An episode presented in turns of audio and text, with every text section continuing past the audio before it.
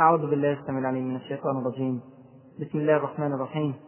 إن الحمد لله نحمده ونستعينه ونستغفره ونستهديه ونعوذ بالله من شرور أنفسنا ومن سيئات أعمالنا. إنه من يهده الله فلا مضل له ومن يضلل فلا هادي له. وأشهد أن لا إله إلا الله وحده لا شريك له وأشهد أن محمدا عبده ورسوله. اللهم إنا نسألك الهدى والتقى والعفاف والغنى. اللهم أرنا الحق حقا وارزقنا اتباعه وأرنا الباطل باطلا وارزقنا اجتنابه. اللهم من أرادنا والإسلام والمسلمين بخير فوفقه لكل خير ومن أرادنا والإسلام والمسلمين بسوء فخذه أخذ عزيز مقتدر. واجعل تدبيره تدميره واجعل كيده في نحره إنك على كل شيء قدير وبالإجابة جدير. وصل اللهم على سيدنا محمد وعلى آله وصحبه وسلم. والحمد لله رب العالمين. ثم أما بعد فمع المحاضرة السادسة من المحاضرات المتعلقة بقضية فلسطين وفي الحلقتين السابقتين تحدثنا عن بزوغ فكرة إنشاء وطن قومي لليهود في فلسطين وكان الداعي لها هو تيودور هرتزل الزعيم الصهيوني المعروف. وتحدثنا عن جهوده في هذا المجال بدءا من مؤتمر بال ومرورا بالمباحثات التي تمت بينه وبين كل من انجلترا وألمانيا وروسيا والخلافة العثمانية. وتعرضنا أيضا لموقف السلطان عبد الحميد الثاني رحمه الله من مطامع اليهود وكيف تصدى لها في ذكاء وإخلاص.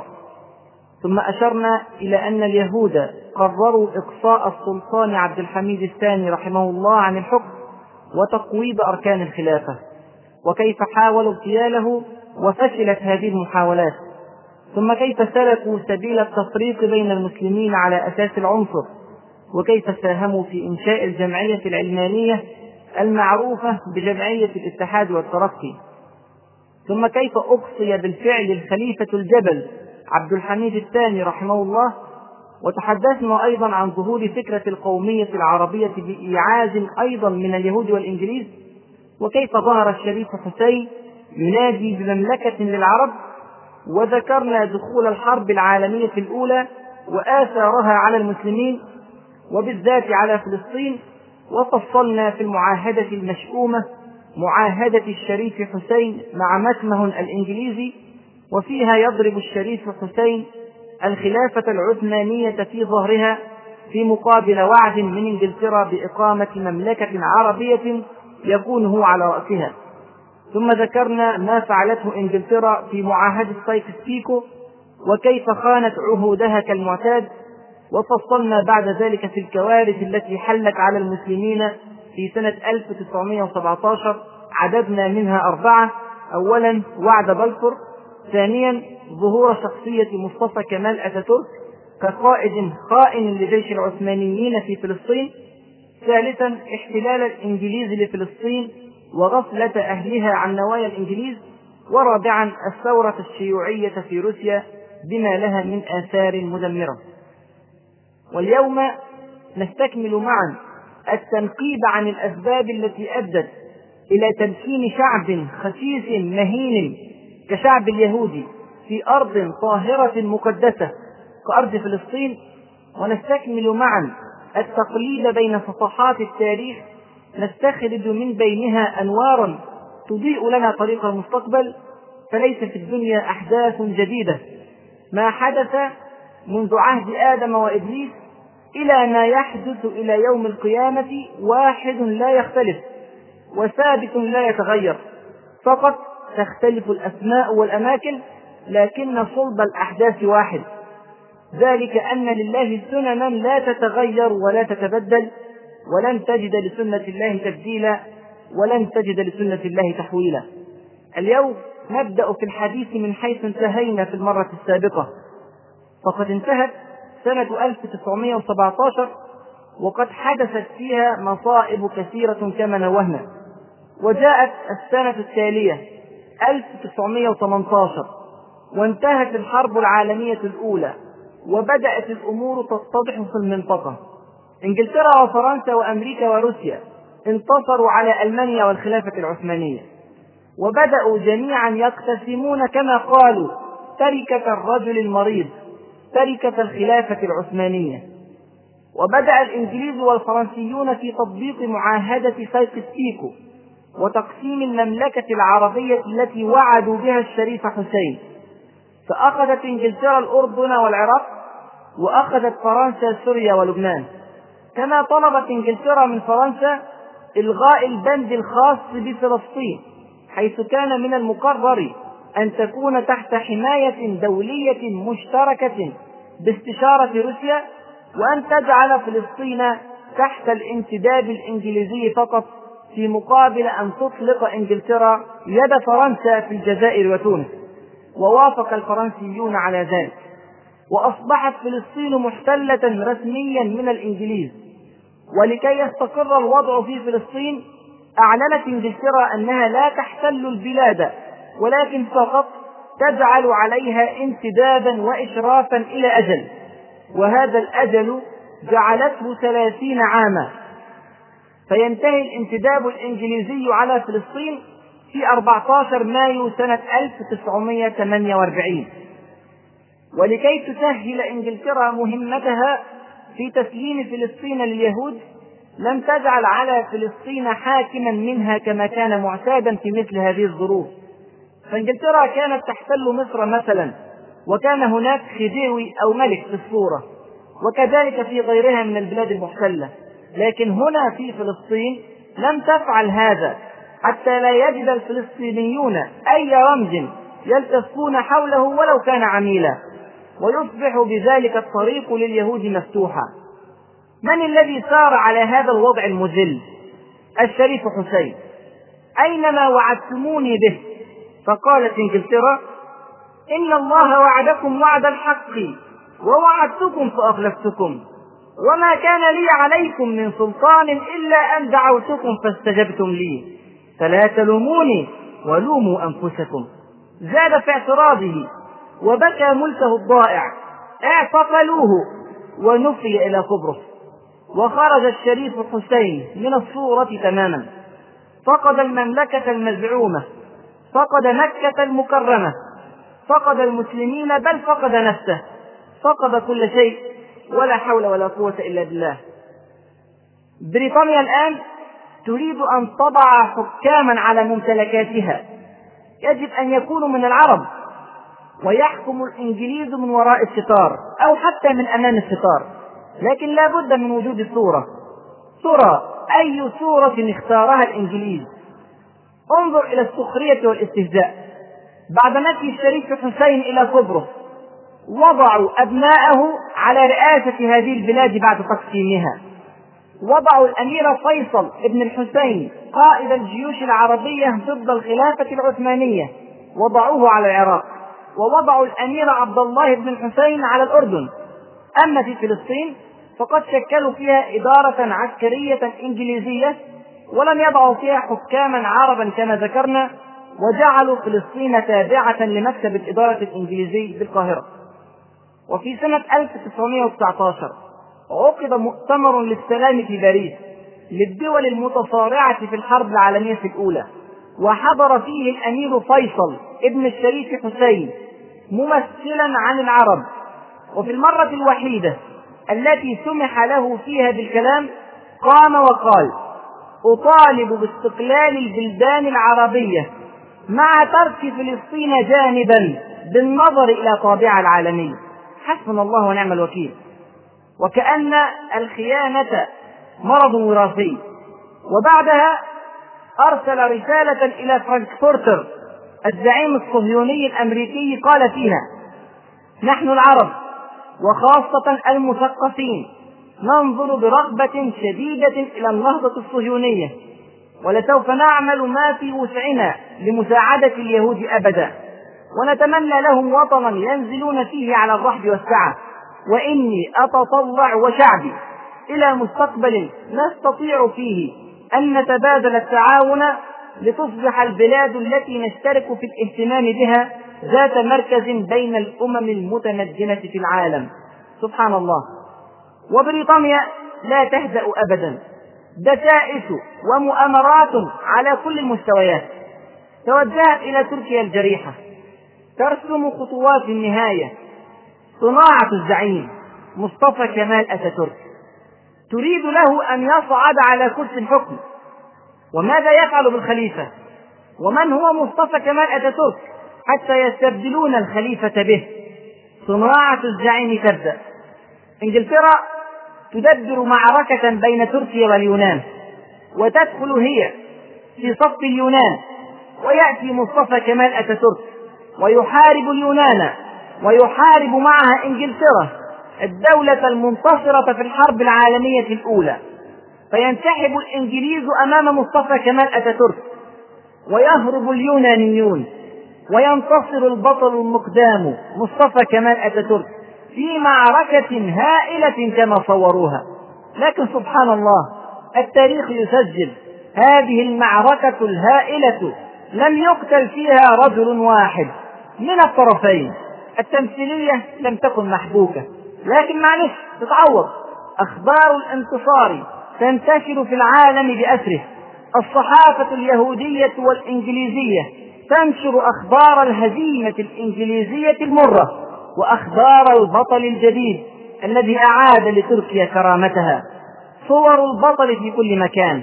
لقاءات مع كبار الساسة في العالم. ولا ينسون أن يلتقي بكبار رجال الدين الإسلامي ويبدي في ضراعة حبه للإسلام وللمسلمين ويضطر البطل أن يدخل المساجد. ليظهر في الصورة وهو يصلي في خشوع. كما اضطر قبل ذلك تيودور هيرزل أن يدخل المعبد اليهودي تمثيلا وتصنعا. ويفتن به المسلمون. ويتمنون أنه يتنازل فيتولى قيادتهم. حتى إن أحمد شوقي أمير الشعراء ظن فيه خيرا وشبهه بخالد بن الوليد رضي الله عنه حيث قال الله أكبر كم في الفتح من عجب يا خالد التركي جدد خالد العربي. ثم دبرت مؤامرة أخرى مؤتمر في الغرب ومؤتمر في الشرق وثورات ومظاهرات وادعاءات وافتراءات. المهم صعد في النهاية بالبطل المغوار حامي الإسلام والمسلمين وهازم الإنجليز واليونانيين إلى كرسي الحكم. وأقصي السلطان عبد المجيد بن عبد العزيز السلطان العثماني في ذلك الوقت وكان ذلك في سنة 1924 في 3 مارس. وأعلن مصطفى كمال أتاتورك استقلال تركيا. واعترفت به مباشرة من؟ إنجلترا. وتحسنت علاقاتها جدا مع الدولة التي كانت تحاربها منذ شهور معدودات. واستلم مصطفى كمال أتاتورك الحكم وفعل ما لم يكن يستطيع الإنجليز أن يفعلوه في سنوات عديدة. انظروا ماذا فعل مصطفى كمال أتاتورك مؤيدا بحزبه العلماني الاتحاد والترقي. ألغى الخلافة الإسلامية وهي أول مرة منذ عهد رسول الله صلى الله عليه وسلم تلغى الخلافة الإسلامية. نعم ضعفت الخلافة الإسلامية قبل ذلك كثيرا لكنها بقيت رمزا يلتف حوله المسلمون ليقوموا من جديد. أما الآن فقد ألغى الخلافة الإسلامية تماما وفصل تركيا بالكامل عن الدول الإسلامية الأخرى وفصل الدين بالكلية عن الدولة. وحرم لبس الحجاب الإسلامي وفرض الأزياء الأوروبية وألغى لعدة سنوات الاحتفال بعيدي الفطر والأضحى ومنع المسلمين من أداء فريضة الحج وأغلق عددا كبيرا من المساجد وحول مسجد آيا صوفيا إلى كنيسة ثم إلى مخزن بعد ذلك ومنع تعدد الزوجات وأباح زواج المسلمة بغير المسلم وألغى عطلة الجمعة وجعلها الأحد ومنع الأذان للصلاة باللغة العربية وأصر على أن يكون الأذان باللغة التركية وألغى الحروف العربية من الكتابة واستبدلها باللاتينية وألغى من الدستور التركي المادة التي تنص على أن دين الدولة الإسلام ونص في الدستور على أن تركيا دولة علمانية. وألغى الشريعة الإسلامية تماما واستبدلها بالقانون الإيطالي والسويسري وألغى منصب شيخ الإسلام وأجبر أئمة الدين على ارتداء القبعة بدلا من العمامة وألغى التقويم الهجري وأباح الردة عن الإسلام وساوى بين الذكر والأنثى في الميراث وأعدم أكثر من مئة وخمسين من علماء المسلمين. وألغى من اسمه كلمة مصطفى واقتفى بكمال أتاتورك وأوصى في وصيته قبل موته ألا يصلى عليه. ولما مات احتار مقربوه هل يصلون عليه أم لا في ظل علمانية الدولة وفي ظل وصيته. وفي النهاية صلى عليه أحدهم منفردا وذهبوا به إلى قبره ليجد أعماله في انتظاره ويا له من لقاء. وهكذا. سقطت الخلافة العثمانية وقامت الدول العلمانية وضاعت هيبة الدين وتركت فلسطين لمصيرها لا يدافع عنها إلا قومها. أما من حولها من الزعماء فليتهم تركوها بل ساهموا في تضييعها إسهاما. هذه الزعامات التي سادت آنذاك كانت وبالا على الأمة.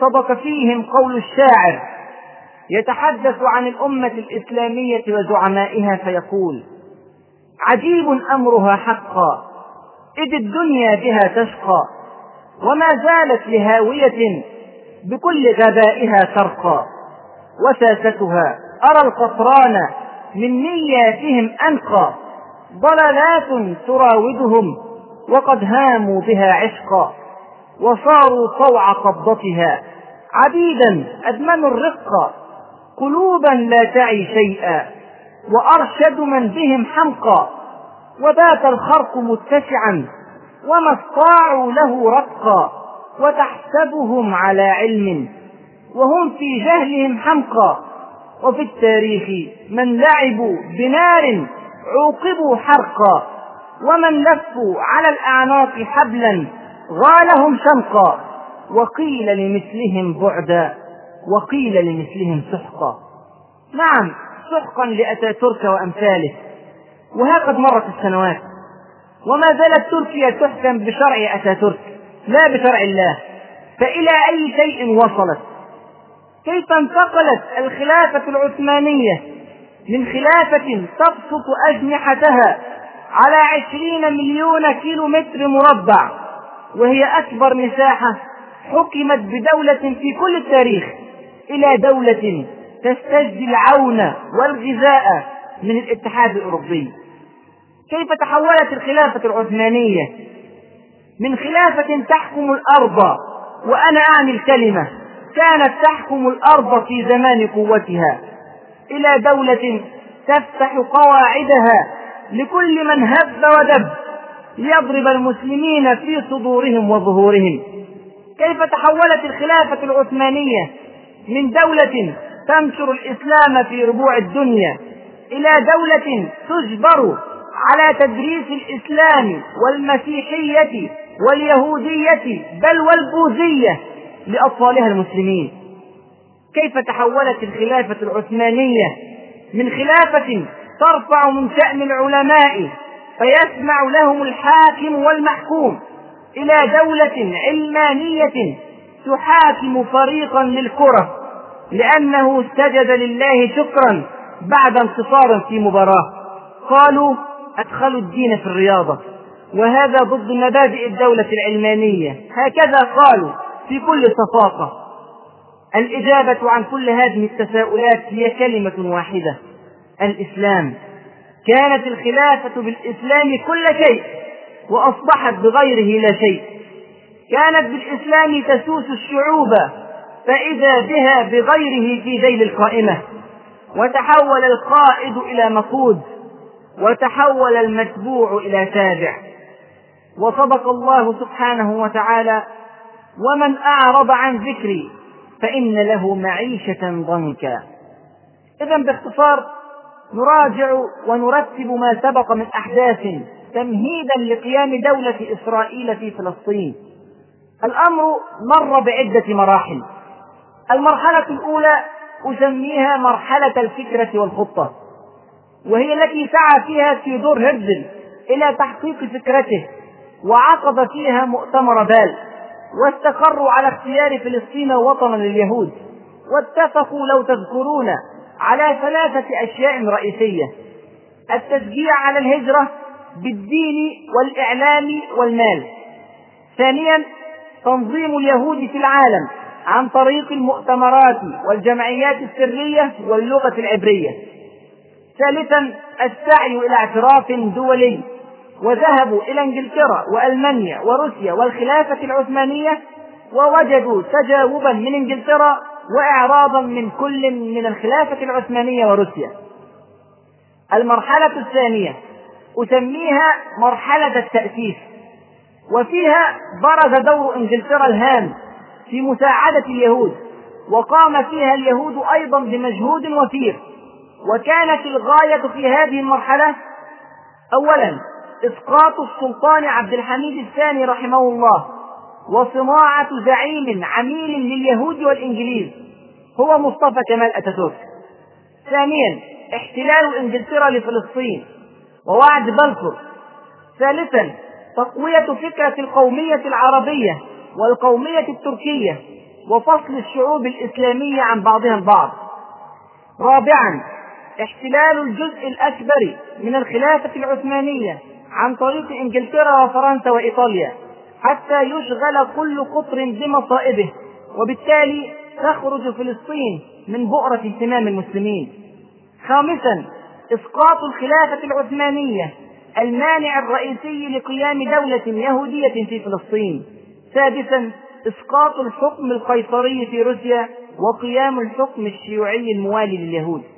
نتيجة هذه الأمور أصبحت فلسطين محتلة بإنجلترا صديقة اليهود والدول الإسلامية المحيطة بما فيها تركيا لا تفكر بفلسطين وخلت طريق لليهود.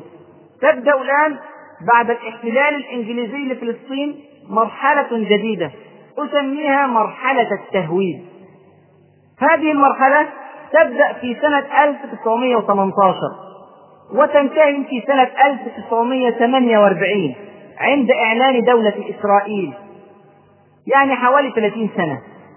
مرحلة خطيرة تدخلها فلسطين في هذه الفترة. الجنرال اللندي الحاكم البريطاني على فلسطين يستدعي رجلا من بريطانيا ليساعده في إدارة أمور فلسطين. فمن يستدعي؟ يستدعي رجلا هو هربرت صموئيل أول وزير يهودي في الحكومة الإنجليزية ليضع سويا القوانين المناسبة في فلسطين. بمعنى آخر أن اليهود قد جلسوا مع الإنجليز أمام الستار وليس خلف الستار. لوضع خطة تحويل فلسطين المسلمة إلى إسرائيل اليهودية. فماذا فعلوا؟ الحقيقة وضعوا قوانين كثيرة ونظما عدة. وأنا لا أريد أن أشغل أسماعكم بكثرة التفريعات. فآثرت أن أضم هذه المخططات اليهودية الإنجليزية في أربعة محاور رئيسية. تشمل معظم أركان المخطط البشع. المحور الأول الهجرة اليهودية إلى فلسطين. والحقيقة يا إخوة أن ما فعله اليهود بتهجير شعب من أماكن متفرقة في العالم إلى مكان معين لاستعماره وإخراج أهله منه أو قتلهم يعد جريمة عظمى لم تتكرر في التاريخ إلا في حوادث معدودة. على سبيل المثال حدثت من قبل في الأندلس لما طرد وذبح المسلمون على يد الصليبيين الأسبان وتحولت بذلك الأندلس من مملكة إسلامية إلى دولتين صليبيتين إسبانيا والبرتغال. وقد أشرنا إلى ذلك في بدء المحاضرات. حدث ذلك أيضا في أمريكا لما طرد الأمريكان الهنود الحمر وذبحوا منهم عشرين مليونا. حتى تصبح أمريكا دولة متحضرة على حساب الهنود الحمر. وحدث ذلك أيضا في أستراليا لما فعل الإنجليز نفس الشيء مع سكان البلد الأصليين كما فعل الأمريكان مع الهنود الحمر. جريمة كبرى وأخلاق منحدرة وإنسانية منعدمة. وأنا أريد أن ألفت النظر إلى بعض الحقائق الهامة الخاصة بقضية تهجير اليهود إلى فلسطين. أولا مجموعة من الأرقام. تذكرون عدد اليهود في فلسطين في زمان الخليفة عبد الحميد الثاني رحمه الله. ذكرناه في المحاضرة الرابعة. كان عددهم أربعة آلاف وخمسمائة يهودي. كان ذلك حتى عام 1909 عند عزل الخليفة عبد الحميد الثاني رحمه الله. في الفترة التي تولى فيها حزب الاتحاد والترقي الحكم الفعلية. وإن كانت الصورة خليفة رمزي في هذه الفترة من سنة 1909 إلى سنة 1917 عند دخول الإنجليز إلى فلسطين وصل تعداد اليهود في فلسطين إلى خمسين ألفا. تخيلوا تضاعفوا عشر مرات من أقل من خمسة إلى خمسين. علشان نعرف قيمة الخليفة وقيمة الخلافة. لكن لما تبقى كل دولة قومية منفصلة هذه هي النتائج. هذا العدد الخمسون ألف يهودي كانوا يمثلون ثمانية في المية فقط من عدد السكان في أواخر سنة 1917 يعني مع كل هذه الزيادة من أربعة ونصف إلى خمسين ألف كانوا بيمثلوا ثمانية في المية من سكان فلسطين في سنة 1917 عندما أعطى بلفور وعده كما ذكرنا من قبل. في هذه المرحلة الجديدة مرحلة التهويد من سنة 1918 إلى سنة 1948 في غضون هذه الثلاثين سنة وصل تعداد اليهود في أوائل سنة 1948 إلى 600 ألف يهودي. نعم 600 ألف يهودي. رقم رهيب. في بلد صغير كفلسطين.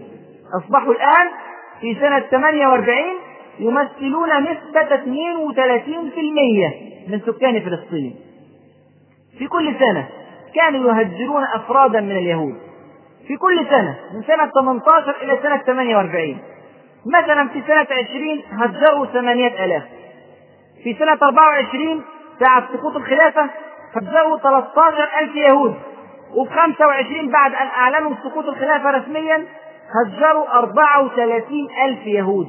وهكذا إلى سنة 48 وبعد سنة 48 إلى يومنا هذا ما زالوا مستمرين في نفس السياسة الإحلالية لشعب فلسطين. يبقى أولا ذكرنا مجموعة أرقام هامة خاصة بأعداد المهجرين. ثانيا نوعية المهجرين معظم المهاجرين من اليهود كانوا من الشبان الذين ينضمون إلى معسكرات التدريب في بولونيا أو إيطاليا أو النمسا أو دول أوروبا الشرقية. أي أن طبيعة المهاجرين كانت عبارة عن جيش مدرب. اليهود كانوا يرفضون هجرة المعاقين أو من يحتاجون إلى إعانة اجتماعية. اليهود لم يكن لهم اهتمام بيهود العالم إلا أولئك الذين يريدون الذهاب إلى فلسطين. يقول بنغوريون لو عرض علي إنقاذ كل أطفال ألمانيا من اليهود إلى إنجلترا أو إنقاذ نصفهم إلى فلسطين لاخترت الحل الثاني. هكذا عشان نعرف طبيعة اليهود.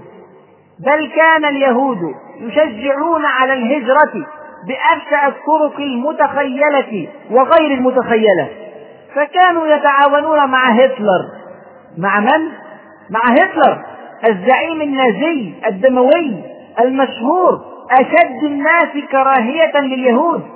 كيف كانوا يتعاونون معه؟ اسمع ولا تتعجب وهم يهود. كانوا يكشفون له عن أماكن اليهود في ألمانيا وفرنسا وبولندا ليقتلهم. في نظير ترحيل الشخصيات اليهودية المرموقة إلى فلسطين. مع العلم أن الراغبين في الذهاب إلى فلسطين كانوا أقل من خمسة في المئة في ألمانيا وفرنسا وبولندا. ولذلك قتل عدد ضخم من اليهود هناك. سبحان الله. ويخلق ما لا تعلمون. المهم خلاصة هذا الانتقاء في التهجير أنه جاء إلى فلسطين مجموعات خاصة من اليهود.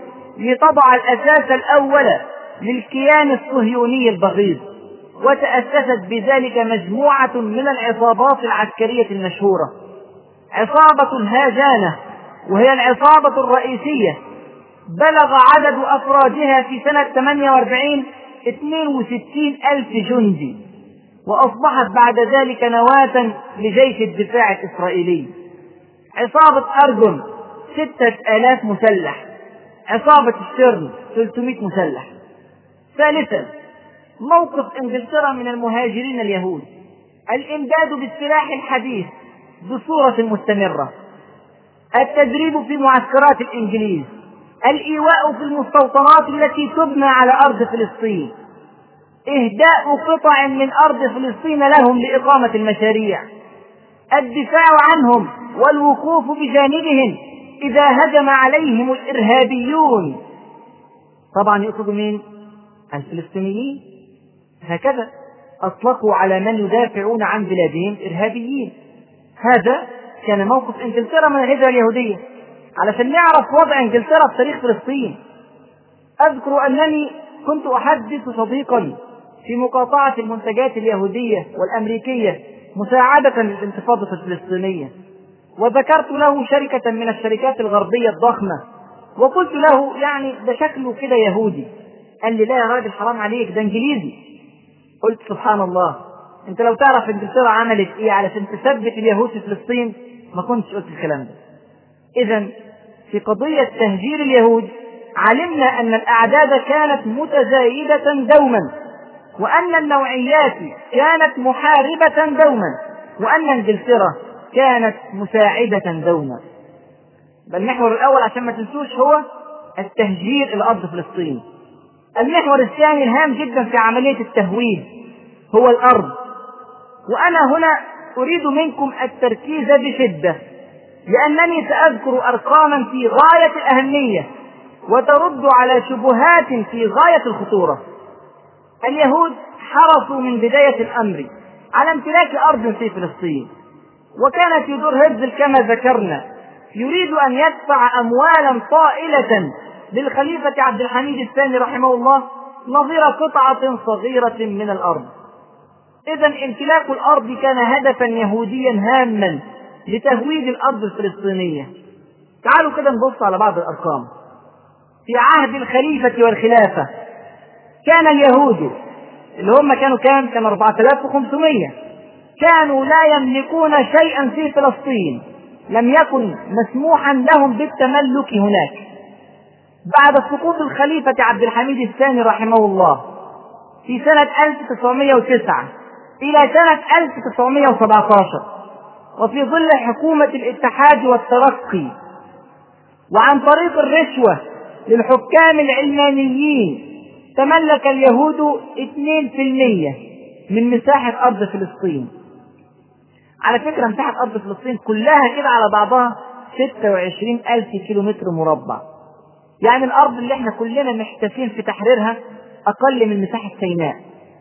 26 ألف كيلومتر مربع فقط. هي كل مساحة فلسطين. شوف الأرقام دي. من سنة 1918 لسنة 1948 في 30 سنة تفتكروا كم في المية امتلكها اليهود؟ افتكروا إن اليهود في ال 30 سنة دول زادوا في العدد من 8 ل 32% واسمعوا إلى هذه الحقيقة الغريبة. فمع هذه الزيادة الضخمة في أعداد اليهود إلا إن ممتلكاتهم من الأرض لم تصل إلا إلى خمسة وسبعة من عشرة في المية فقط من أرض فلسطين. فقط خمسة وسبعة من عشرة في المية. يعني في ثلاثين سنة ما قدروش يضموا إلى أملاكهم إلا ثلاثة وسبعة من عشرة في المية فقط من أرض فلسطين لأن كان في اثنين في المية مملوكة عن طريق حكام حزب الاتحاد والترقي كما ذكرنا قبل دخول الإنجليز. يزداد العجب عندما تأتي وتحلل الثلاثة وسبعة من عشرة في المية دول اللي امتلكهم اليهود في 30 سنة تجد الآتي واحد واثنين من عشرة في المية إهداء من حكومة الامتداد البريطاني بدون ثمن. واحد ونصف في المية بيع من عائلات نصرانية لبنانية وسورية مثل عائلات كرسك والمطران وتيان. عائلات من سوريا ولبنان كانت تمتلك أرضا في فلسطين على سبيل الاستثمار. فلما رأت أن الدائرة تدور على الأرض الفلسطينية وأن اليهود والإنجليز يتسلحون ويتمكنون وأن ما لم تبعه اليوم فيؤخذ عنوة في الغد باعوا أرضهم ورجعوا إلى بلادهم. يبقى ده واحد ونصف في المية. على الواحد واثنين من عشرة بين اثنين وسبعة من عشرة. يتبقى واحد في المية فقط من الأرض هو الذي باعه الفلسطينيون أصحاب البلد وهو خطأ لا شك في ذلك. خطأ أن يبيعوا أرضهم. واعتبر فقهاء فلسطين ذلك خيانة. وصدرت فتاوى كثيرة بتحريم بيع الأرض لليهود ابتداء بفتوى سنة 1922 للحاج أمين الحسيني مفتي القدس ومرورا بعدد كبير من الفتاوى في السنوات التالية. ومن هو الشعب الذي ليس فيه خائنون؟ من هو الشعب الذي ليس فيه مفرطون وأصحاب مصالح؟ ومع ذلك كانوا قليلين جدا في فلسطين. واحد في المية فقط من الأرض بيعت على غير رغبة العموم. ومع ذلك انتشرت بين العالمين بما فيهم المسلمين فرية عظيمة وشبهة منكرة تقول لقد باع الفلسطينيون أرضهم لليهود فرية عظيمة كان لها ترويج صهيوني وعربي. سبحان الله. أما الصهاينة فقد روجوا لها حتى يثبتوا لهم حقا زائفا. أنهم اشتروا الأرض فهي حقهم ومن أخذ هذا الحق منهم فهو ظالم أو معتدي أو إرهابي. وهذا مفهوم مفهوم أن يشيع اليهود هذه الفاحشة. ولكن العرب لماذا روجوا أيضا لهذه الفرية سواء عن قصد أو عن جهل؟ لماذا أعجبت الناس حتى رددوها جميعا في مجالسهم. فلا تسأل أحدا إلا ووجدته يعلم عن يقين أنهم باعوا أرضهم. ذلك لأمر واضح وهو إسكات الضمير وتسكين النفس وإراحة البال وتطمين القلب وتهدئة الجوارح وتفريغ الوقت والجهد والمال والعرق لمشاكل أخرى كثيرة. تملأ على الناس حياتهم. نعم يا إخوة إحنا بنضحك على أنفسنا. فعلا علشان نستريح. العمل لفلسطين يحتاج إلى مجهود وطاقة وعمل. الأريح أقول أنهم باعوا أرضهم فيستهدف. لكن الحق أن واحد في المية فقط هو الذي باعه الفلسطينيون. وذكرنا تحريم ذلك على لسان أهل فلسطين. وافرض أنهم باعوا أكثر من ذلك. افرض. هل يبيح ذلك ترك البلاد؟ وهل يملك الفلسطينيون حق حكم الله للأرض حتى يبيعوه؟ حتى لو باعوا أكثر من ذلك على المسلمين أن يحرروا هذه الأرض. فيقر اليهود على ما أخذوه بيعا وشراء ما داموا معاهدين دافعين للجزية ويأخذون عنوة ما أخذه اليهود عنوة ويحكمون البلاد بشرع الله. بدلا من شرع اليهود المحرف حكم الله. ومن أحسن من الله حكما. لا أحد. كلام الله. ومن أصدق من الله حديثا. لا أحد. إذا تحدثنا عن محورين أساسيين في قضية تهويد فلسطين وهما المحور الأول الاهتمام بالتهجير. المحور الثاني الاهتمام بشراء الأرض. وإن كانوا لم يفلحوا كثيرا في هذا المجال. أما المحور الثالث في الخطة اليهودية الإنجليزية فهو السيطرة على الاقتصاد في فلسطين. طبعا الأموال اليهودية لا حصر لها كما هو معلوم. فحدث استقطاب عالمي برؤوس الأموال اليهودية لتأتي وتقيم المشاريع في فلسطين. ونخلي بالنا المشاريع الاقتصادية الأجنبية دي وإعطاء تسهيلات لإنعاش الاقتصاد كما يقولون كانت أحد الأسباب المباشرة لتمكين اليهود من احتلال فلسطين. فيحذر أن يتكرر ذلك في قطر آخر. هو ما أسميه بالاحتلال الاقتصادي. حدث هذا النوع من الاحتلال الاقتصادي في فلسطين بالإضافة للاحتلال العسكري. رسول الله صلى الله عليه وسلم كان يعلم خطورة هذا الاحتلال الاقتصادي. علشان كده بمجرد ما دخل المدينة المنورة وآخى بين المهاجرين والأنصار وبين الأوس والخزرج وعلم أنه قد أصبحت له دولة بدأ يؤمن وضع الدولة الاقتصادي. سبحان الله دين متكامل شامل اقتصاد سياسة اجتماع جهاد صلاة رياضة سياحة قضاء كل مناحي الحياة وكل فروع الحياة. دين عجيب لا يأتيه الباطل من بين يديه ولا من خلفه. دين محكم ولو كان من عند غير الله لوجدوا فيه اختلافا كثيرا. دين قيم عظيم نعتز ونفتخر ونسعد بالانتماء إليه. رسول الله صلى الله عليه وسلم في أوائل أيامه في المدينة سعى إلى تأمين الوضع الاقتصادي. أمن الماء اولا فأمر بشراء بئر روما وكان يملكه يهودي. واضح طبعا الصراع قديم جدا جدا مع اليهود. ثانيا أمر ببناء سوق خاص بالمسلمين حتى يستغني به عن أسواق الآخرين. من هم الآخرون؟ اليهود. نعم اليهود. كان اليهود يسيطرون على تجارة المدينة. من خلال سوق بني قينقاع. فماذا فعل رسول الله صلى الله عليه وسلم؟ أمر بالبحث عن مكان لسوق المسلمين وحدثت أكثر من محاولة للبحث. ولم يصلوا إلى مكان مناسب إلا بعد جهد جهيد روى الطبراني وابن ماجه عن أبي أسيد رضي الله عنه أن رجلا جاء إلى النبي صلى الله عليه وسلم فقال بأبي أنت وأمي إني قد رأيت موضعا للسوق أفلا تنظر إليه؟ قال بلى. فقام معه حتى جاء موضع السوق فلما رآه أعجبه وركبه برجله يعني سعيد جدا بالسوق. ثم قال نعم هذا سوقكم فلا ينتقصن ولا يضربن عليه خراج.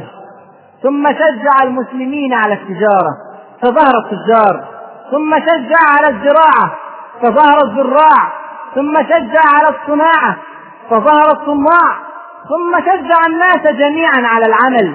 مهما كان العمل بسيطا ما دام شريفا. روى البخاري ومسلم والترمذي والنسائي عن أبي هريرة رضي الله عنه قال قال رسول الله صلى الله عليه وسلم لئن يحتطب أحدكم حزمة على ظهره خير له من أن يسأل أحدا فيعطيه أو يمنعه.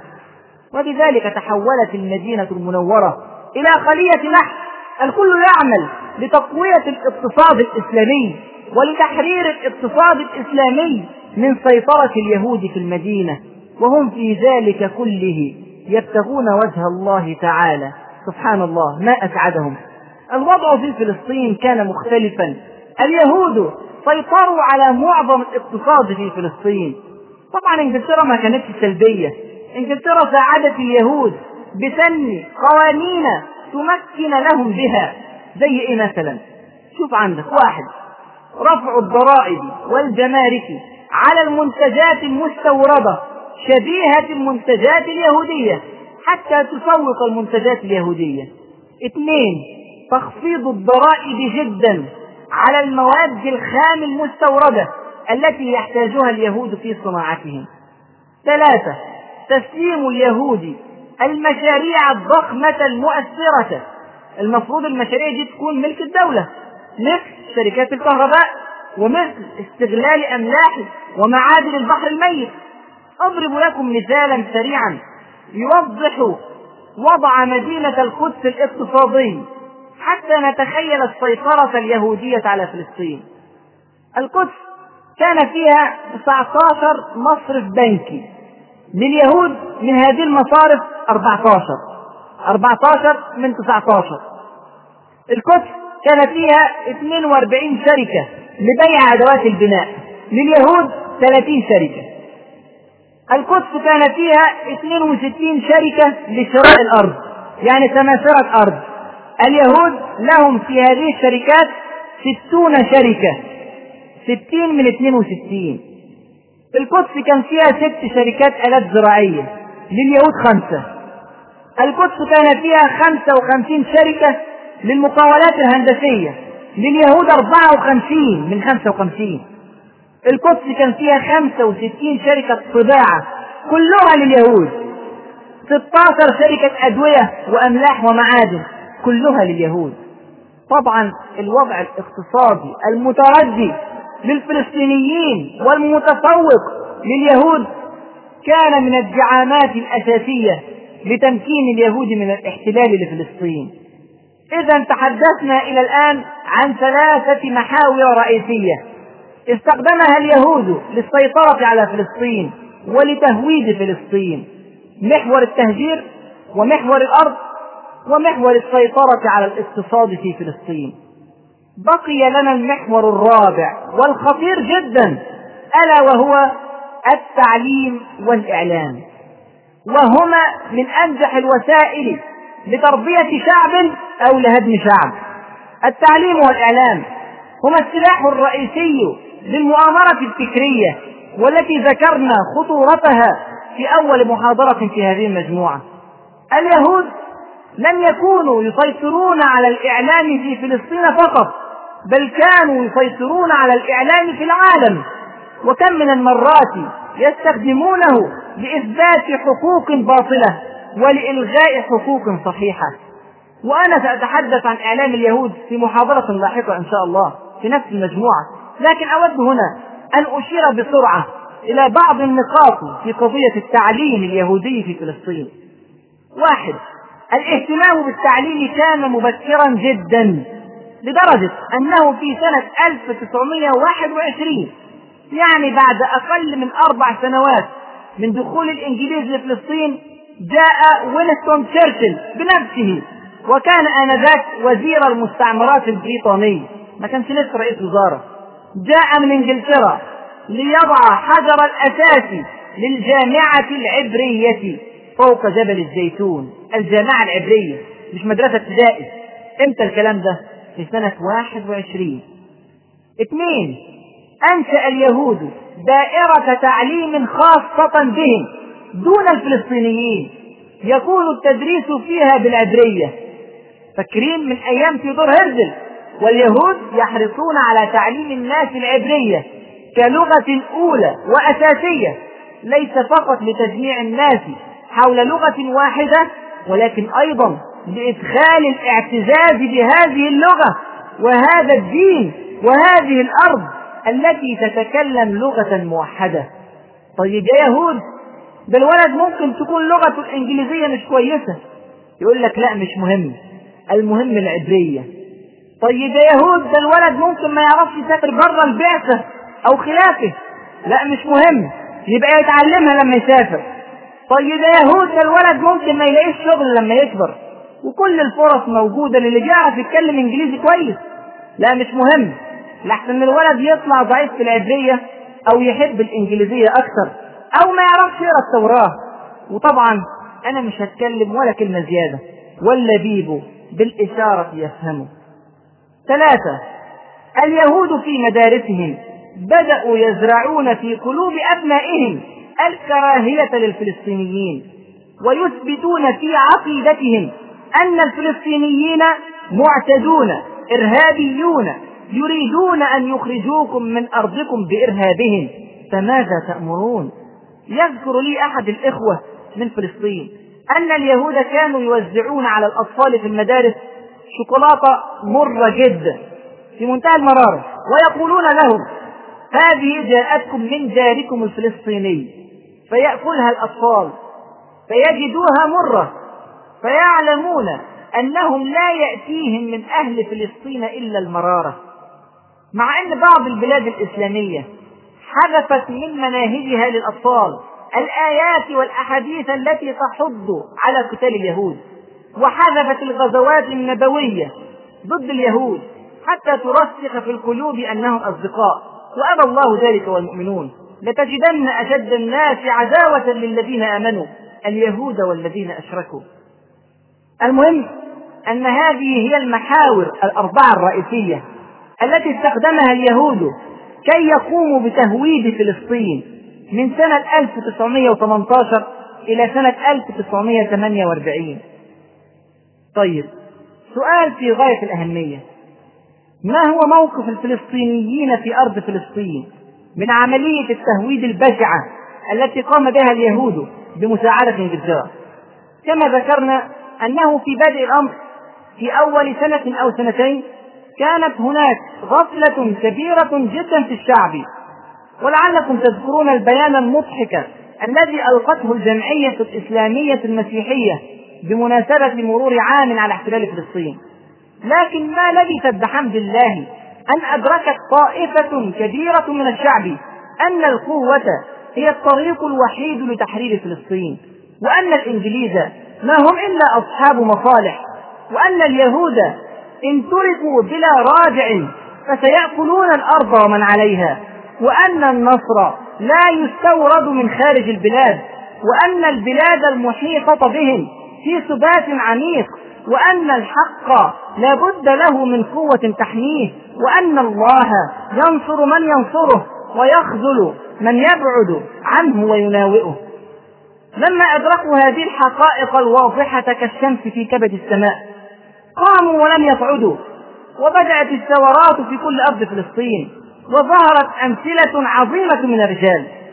كانت الثورات تحدث بصورة منتظمة سنة 19 وسنة 20 وسنة 21 وثورة البراق المشهورة سنة 29 وقاد هذه الثورات في المعظم الشيخ أمين الحسيني مفتي القدس والذي غير كلية من أفكاره القومية بعد أن رأى واقع الإنجليز واليهود وما حدث للخلافة في تركيا وبعد ظهور أوراق المؤامرة للجميع وأصبح الرجل أمين الحسيني من رموز فلسطين السائرة. وهو الذي ظل ينظم المسيرات ويعقد المؤتمرات خارج وداخل فلسطين. ولكن مع كل هذا النشاط إلا أن طابع الثورات كان سلميا إلى حد كبير ولفترة طويلة من سنة 19 لسنة 31 عندما هرب المفتي من البلاد لمطاردة الإنجليز له واستقر في لبنان. بل إن الأمر كان لا يخلو أحيانا من مجاملات للإنجليز في الكلام والمؤتمرات على أمل أن يستيقظ عدلهم.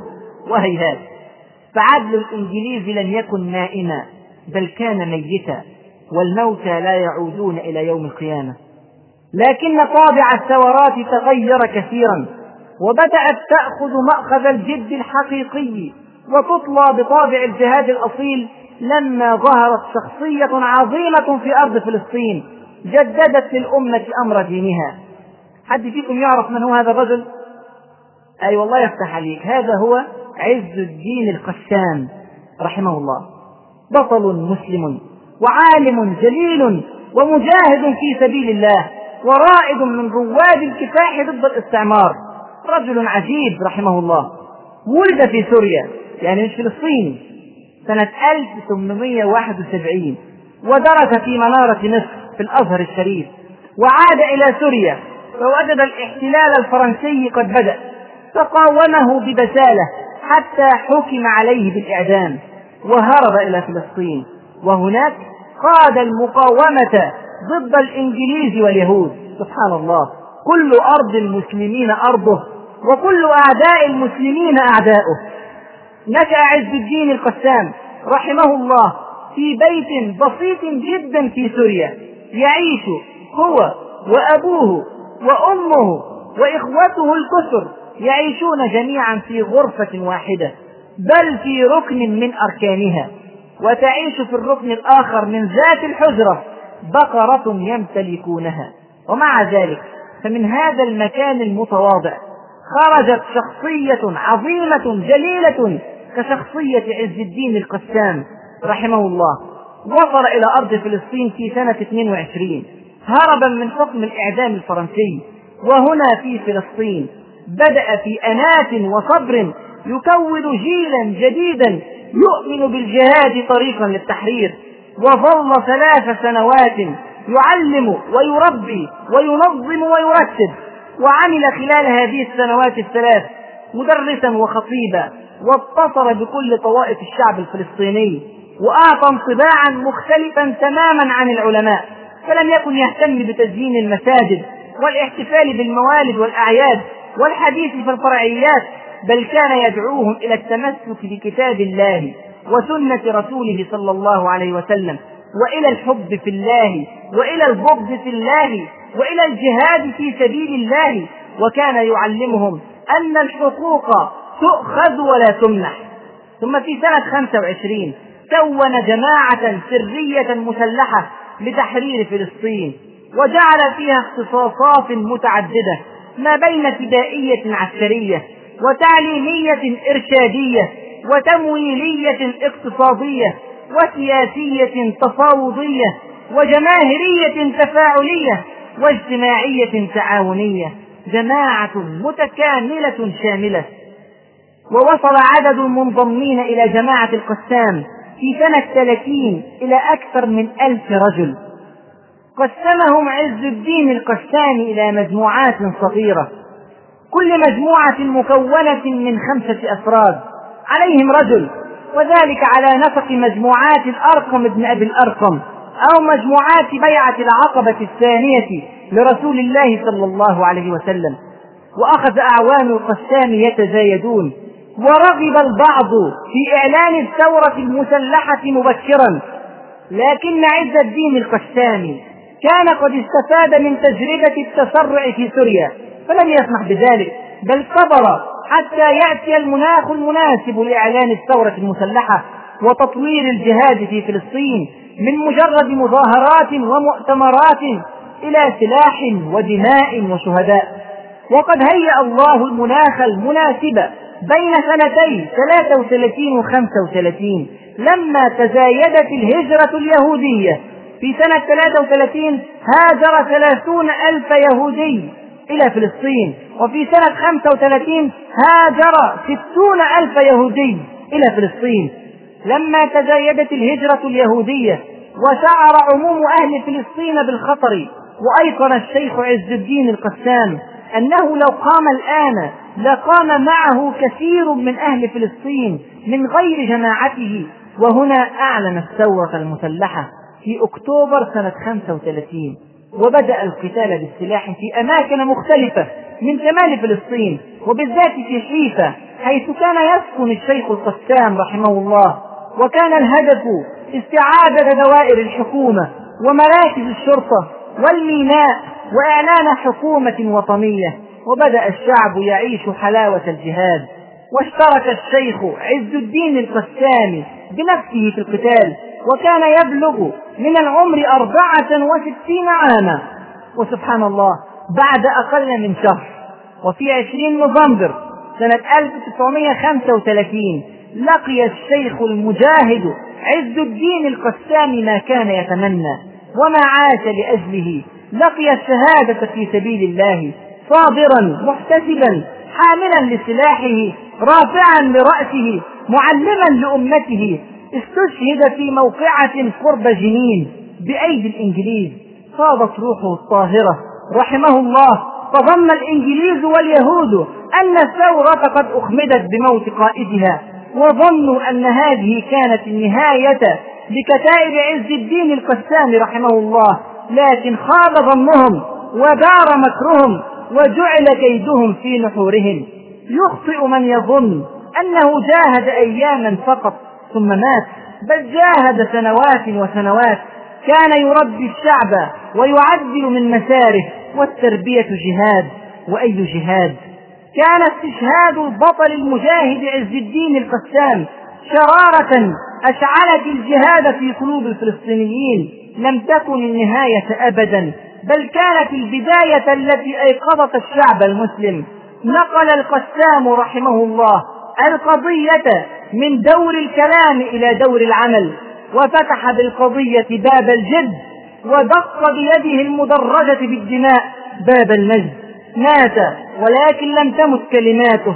ليبع أحدكم كل شيء يملكه وليفتري السلاح ومن ساعتها والشيخ القسام رمز لم ينسى ولن ينسى في تاريخ فلسطين والمسلمين وحمل الراية من بعده الشيخ فرحان السعدي ودعا إلى الجهاد المسلح ضد الإنجليز واليهود وتمكن الإنجليز من الإمساك به بل وإعدامه وكان صائما في رمضان. وكان يبلغ من العمر ثمانين عاما. فهل ماتت الثورة؟ بل زادت ونمت وتوهجت وعمت كل أرض فلسطين. وكانت سنوات 36 و37 و38 و39 من الأعوام المشهودة في أرض فلسطين. وحمل الراية من بعدهم المجاهد الفلسطيني المشهور عبد القادر الحسيني رحمه الله. ولكن حديث البطل عبد القادر الحسيني رحمه الله قد يطول فأؤجله للمحاضرة القادمة إن شاء الله. أقول قولي هذا وأستغفر الله لي ولكم وجزاكم الله خيرا كثيرا.